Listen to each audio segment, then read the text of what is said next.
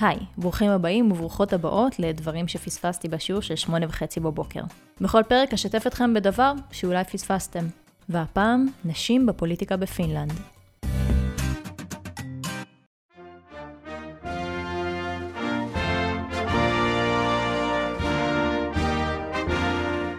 פינלנד מדורגת במקום השלישי ב-Global Gender Gap Index לשנת 2020, אחרי איסלנד ונורבגיה.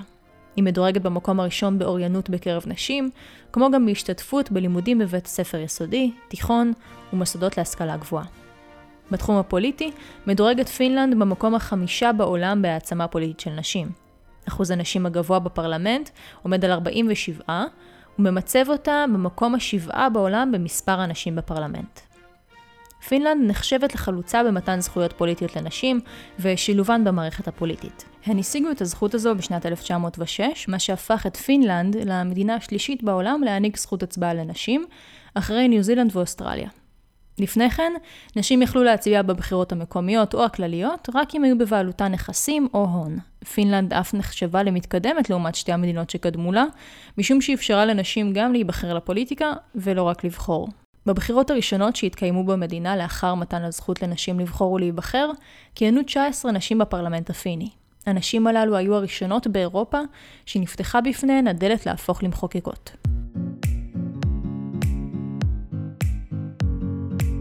למעשה, מצבן של הנשים במדינות הנורדיות לאחר מלחמת העולם השנייה השתפר מאוד, הודות למספר גורמים. התפתחות טכנולוגית הפכה את מטלות הבית המסורתיות של נשים לפשוטות יותר וחסכוניות בזמן, לצד אמצעי מניעה חדשניים שאפשרו לנשים תכנון ילודה משופר. שיעורי התעסוקה וההשכלה בקרב נשים זינקו באופן מהיר, זאת לצד תהליכי עיור, רדיקליזציה של הספירה הפוליטית בסוף שנות ה-60 והגל השני של הפמיניזם, שאתגרו את הנורמות המגדריות המסורתיות. אז איך אפשר להסביר את מספרן הרב של נשים בפרלמנט הפיני? שיטת הבחירה הנהוגה בפינלנד מאז 1954 מהווה את אחד ההסברים הקריטיים שמשפיעים על היבחרותן של נשים לפרלמנט.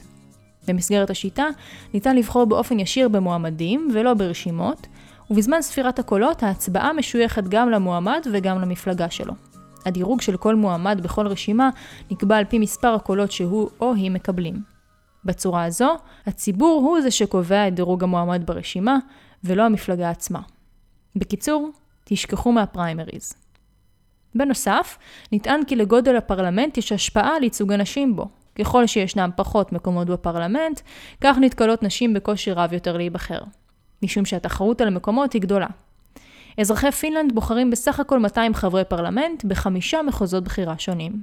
שיטת הבחירה הישירה נותנת אפשרות להצבעה על פי מאפיינים אישיים, ולמועמד אליו מתחברים באופן אישי. לכן בפינלנד ניכר דפוס הצבעה מבוסס מגדר.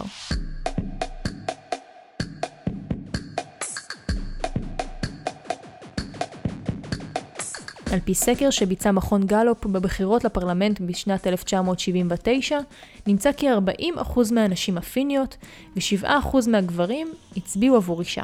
תמיכה במועמדות הייתה נפוצה ביותר בקרב הצעירים בגילאי 22 עד 35.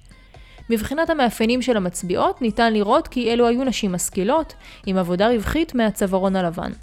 הנתח הגדול ביותר של הנשים שהצביעו עבור מועמדות היו נשים במשרות בכירות. הגברים אשר הצביעו עבור נשים היו בדרך כלל מאוד משכילים או לא משכילים כלל, שהחזיקו במשרות בכירות או השתייכו למעמד הביניים. היעדר תמיכה בולטת הגיע מגברים עם השכלה בינונית ומחקלאים. נטען כי גברים ממעמד הביניים היו הקבוצה שחששה הכי הרבה מאובדן הסטטוס שלה בעקבות מצב בו נשים יצברו כוח פוליטי. דפוס ההצבעה המבוסס המגדר נמצא בעלייה מתמדת מאז שנות ה-70. בשנת 1970, 40% מהנשים הצביעו עבור נשים, בעוד 93% מהגברים הצביעו עבור מועמדים גברים. 33 שנים מאוחר יותר, ב-2003, 57% מהנשים הצביעו עבור נשים, ו-70% מהגברים הצביעו עבור גברים.